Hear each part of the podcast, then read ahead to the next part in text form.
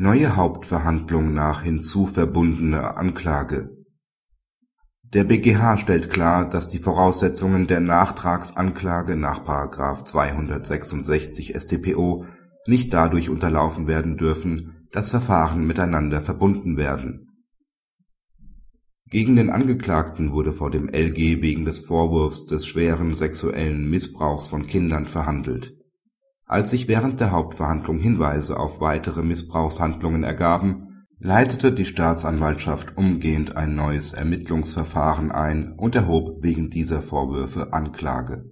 Das LG ließ die neue Anklage zu und verband trotz ausdrücklichen Widerspruchs der Verteidigung beide Verfahren. Der BgH hielt diese Verfahrensweise für nicht mit der StPO vereinbar.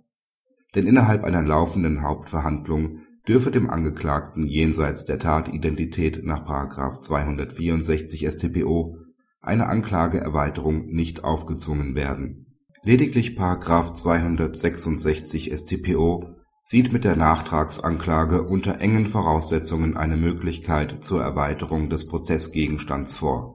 Diese Norm setzt jedoch einen Beschluss des erkennenden Gerichts und die Einwilligung des Angeklagten voraus, was vorliegend nicht gegeben war diese Erfordernisse durch eine separate Eröffnung und spätere Verbindung der Verfahren zu umgehen, um so die bereits gewonnenen Beweisergebnisse auch für das neue Verfahren verwenden zu können, ist unzulässig.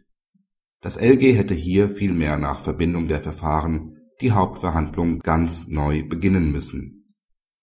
Kritik Mitunter können Gerichte und Staatsanwaltschaften leider der Versuchung nicht widerstehen zwingende Regelungen der StPO durch kreatives Verbinden oder Trennen von Verfahren zu umgehen.